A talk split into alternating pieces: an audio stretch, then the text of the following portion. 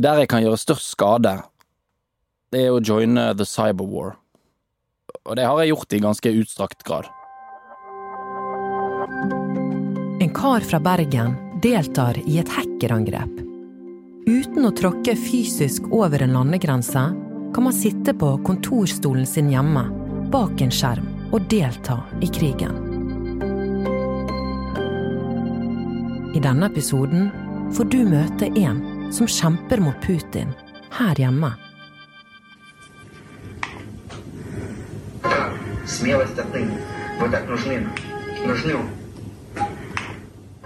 Det du hører nå, er et spesielt klipp som dukket opp da det brøt ut krig i Ukraina.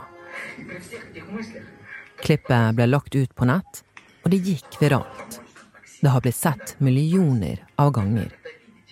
Det viser en dataskjerm med bilder fra mange forskjellige russiske TV-kanaler. Men bak kamera står det noen med en fjernkontroll. Denne personen skifter kanaler, og bildene går heller over til å vise bombede bygninger i Ukraina, eksplosjoner og barn som vinker ha det til sine fedre. Altså, videoen begynte å sirkulere på internett 26. og fikk fort så veldig stor oppmerksomhet, naturlig nok. Eh, Den ble delt på Twitter av en konto som er knyttet til Anonymous, hvor de da hevdet at det var de som sto bak handlingen. Han du hører nå, er Lasse Lambrecht. Han er datajournalist i BT og har fulgt nøye med på det som blir omtalt som cyberkrigen. Anonymous rettferdiggjorde handlingene sine med at uskyldige ukrainere blir massakrert. Og da kan du si at Anonymous hadde svart på visestatsministeren i Ukraina sin oppfordring om å skape en eh, digital hær.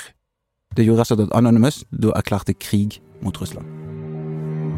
Leroy Merlin, Ocean, Decathlon, deciding not to leave the Russian market, put their profit before solidarity with the victims of the genocide, so we will replace the barcodes of their product with invalid prices. Hvem er det Anonymous? Åh, det er jo et vanskelig spørsmål å svare på. Men som eh, nesten alle gøye ting på internett, så skal vi tilbake 20 år til eh, unnfangelsen av et diskusjonsforum som heter 4chan. Uh, 4chan is the largest English image board. It's a community of 12 million people who come to the site, hang out, post pictures, post comments. Okay. Um, sort of like Så 4chan er som et nettforum hvor du kan snakke med andre? Ideelt sett bilder. Og 4chan har da gitt oss nesten alt av internettsubkultur som er interessant. Altså memes, eh, Quanon, eh, alt-right. Det starter liksom i dette anarkiet som er eh, 4chan. Grunnen til det er at alle er anonyme. Det er kun en håndfull som har registrerte brukere. Og hvis ikke du velger et brukernavn, så heter du Anonymous. Og dette begynte man å omfavne veldig tidlig. Man skjønte man var liksom en av gjengen. Og man begynte å si sånn hei, Anon, og kalte hverandre Anon. Og der ble liksom ideen om Anonymous født. At vi var alle en del av gruppen Anonymous. Ok, så mange hackere de identifiserer seg som Anonymous. Men hva er egentlig en hacker? En hacker i denne forstand som vi snakker om her, det er jo en person som ønsker tilgang til informasjon, kan man si, eller gjøre skade, eh, med å utnytte svakheter. Er enten menneskelige svakheter, eller svakheter i datasystemer.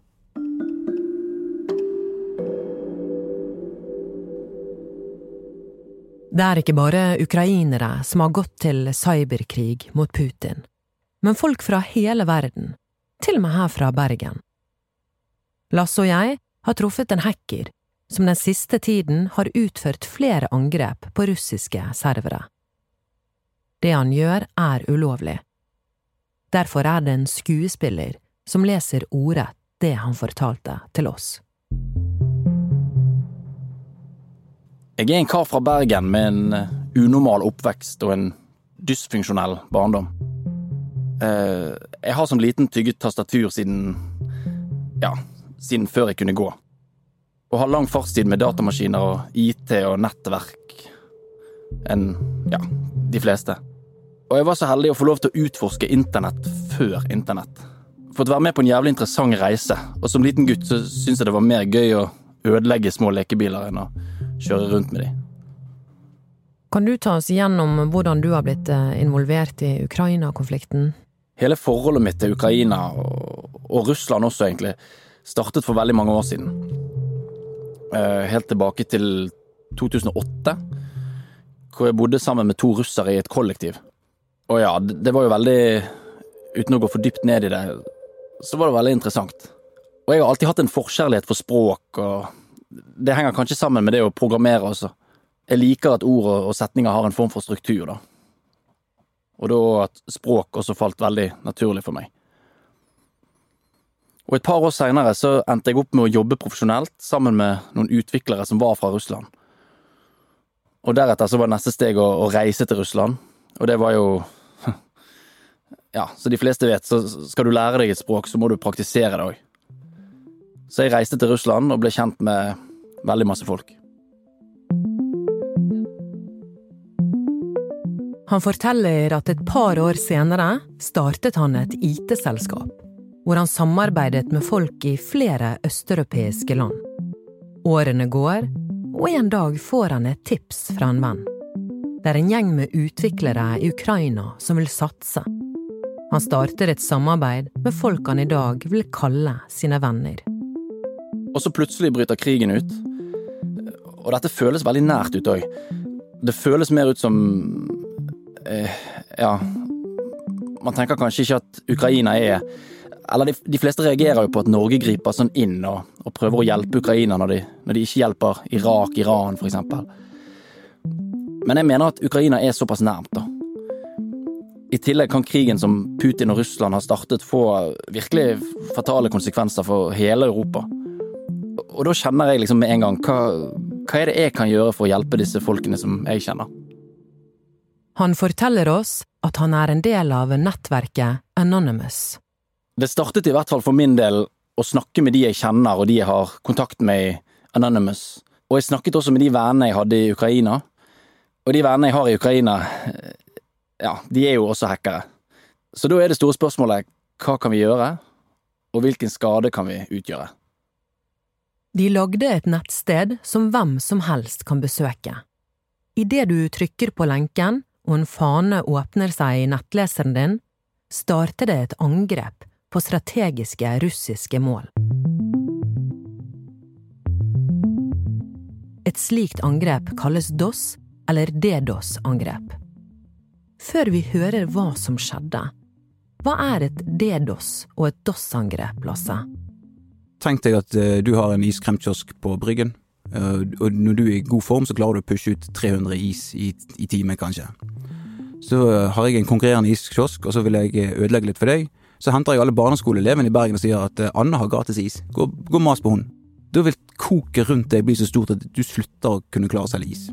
Og så må du bare stenge kiosken, og så henger de ungene rundt fordi de er blitt lovet gratisis, så du, du kan ikke åpne igjen. Men et DDoS-angrep, da er ikke det bare angrep fra én kilde, da kommer angrep fra overalt. Og det er jo det som er det store. Da er det utrolig vanskelig å forsvare seg mot det. Og det er det vår hacker har gjort? Ja, han har fasilitert sånn at folk kan angripe fra Altså, alle kan være en, en angriper. Og da blir det utrolig vanskelig for Russland å, å stoppe det. Kan du fortelle oss hva som skjer idet du går inn på nettsiden og begynner å trykke på knappen? Det som skjer i praksis, er at eh, den starter å insinuere valgfritt antall requests. Altså forespørsel til servere. Det er vel en 5000 servere som er registrert der inne. Så du kan sjøl velge om du skal ha 100 requests i sekundet, og helt opp til 5000. På den andre siden her, da, så sitter Russland med all sin kompetanse og kraft. Det er en ganske farlig fiende du tar på deg. Ja, det er jeg helt klar over. Og hvis de finner ut hvem jeg er, så kan jeg nok aldri reise til Russland igjen. Det er jo litt den konsekvensen jeg er nødt til å ta ved å angripe de, da. Men jeg har en indre tro på at det største problemet er egentlig Putin. Han har sittet for lenge på tronen og driver et diktatur. Og historien forteller oss jo at diktatorer faller på et tidspunkt. Russland har lang erfaring i operasjoner på internett. GRU er Russland sin militære etterretningstjeneste. De har flere ganger blitt oppdaget når de har spionert på Vesten. Men nå de senere årene har de blitt aktive i cyberoperasjoner. Disinformasjonskampanjer, som, som Russland er blitt veldig kjent for, eh, da tenker nok de fleste på, på valget i USA i 2016, kan gjøre veldig stor skade. Og det er jo ideen i, å un undergrave hele demokratiet med å spre så mye dårlig informasjon som mulig. Og så har du da det som er kjent som uh, NotPetya, som var et uh, angrep iscenesatt av Russland mot Ukraina. Og dette viruset det ble spredd av en oppdatering til et regnskapssystem som er brukt i Ukraina. Det var en slags dataorm som, som, går inn i systemet, og så sprer han seg ut, og så, og så lager han mye skade. Men den var så dårlig skrevet, så da mistet man rett og slett kontroll når den var begynt å spre seg. En internettorm? En internettorm, ja. Som bare går rundt og infiserer nye maskiner og sprer seg. Som var laget av Som man antar er laget av Russland, ja. Av noen russiske hackere for å lage litt krøll for, eh, for Ukraina. Men det ble jo en stor internasjonal skandale. Det kostet utrolig mye penger. Jeg har sett eh, prislapper på ti milliarder dollar minst, bare i å fikse skadene som, som, som dette forårsaket. Eh, og disse folkene er jo ikke å tulle med. Dette er ekte farlig. De kan gjøre veldig stor skade. Og det er ikke fiender du har lyst til å ha.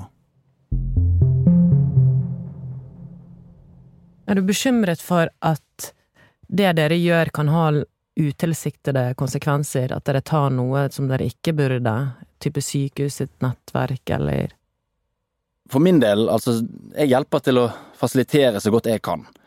Men det er ukrainerne som må stå til ansvar for de eventuelle konsekvensene som dette vil ha. Det er de som er invadert. De har rett til å forsvare seg. Jeg tror ikke det nødvendigvis vil føre til at menneskeliv går tapt. Det vil ikke føre til at fly faller ned. Det vil ikke ha den typen konsekvenser, da. Det vil stoppe informasjonsflyt. Det du gjør er ulovlig. Har du noen tanker rundt det? Jeg har hele mitt liv levd i gråsonen, og det tok egentlig mange år før jeg forsto det, for å være ærlig. Jeg lagde mitt første datavirus da jeg var tolv, og en tolvåring skjønner ikke alltid forskjellen på rett og galt, nødvendigvis. Og så var ikke norsk lovgivning moden for noe sånt som het den digitale sfære. Det eksisterte jo ikke noe internettlover eller noe sånt på den tiden da. Så når jeg startet på dette, så, så var det faktisk lovlig. Eller uregulert, da, vil mange si. Jeg personlig har kanskje gjort skade som har fått negative konsekvenser for noen, men jeg prøver å ha den hvite hatten på så ofte som jeg kan. Men jeg vil nok alltid leve i gråsonen. Mye av det jeg gjør, er nok ulovlig. Hva må du gjøre for å beskytte deg selv? Oi. Ja, det er ikke lite. Det er virkelig ikke lite. Hver eneste aktivitet jeg gjør, må skje via andre land. Det betyr i praksis at all trafikken min går ut av Norge, ja, la oss si til Nederland, og derfra går han videre til Mexico, og der går han videre igjen til Kina, og så ut mot den kilden jeg eventuelt jobber mot, da. Det kan være veldig krevende, men det er grep som må tas, og ingenting teknisk kan spores tilbake til meg. Pri én, det er min egen sikkerhet. Det rettes stadig kraftige sanksjoner mot Russland. Og Det hvite hus har nylig advart at de ser tegn til økt aktivitet til russiske operasjoner på internett. Men når kan vi forvente å se Russland sin cyberelite angripe? Og hvordan kan det utarte seg? Altså, Angrepet kan være i gang allerede. Vi forventer liksom at Russland er inne i mange av våre datasystemer, og, at, og de roter rundt og leter etter svakheter de kan angripe. Og det vi er redd for, er jo at de enten skal få tak i informasjon som kan være til skade for oss, eller at de vil sette i gang eh, angrep som vil skade eh, kritisk infrastruktur. Men eh, det er viktig å huske på at krigen på internett, den sover aldri. Du har hørt en podkast fra Bergens Tidende. Denne episoden er laget av Anna Offstad, Henrik Svanevik og meg. Anna Magnus.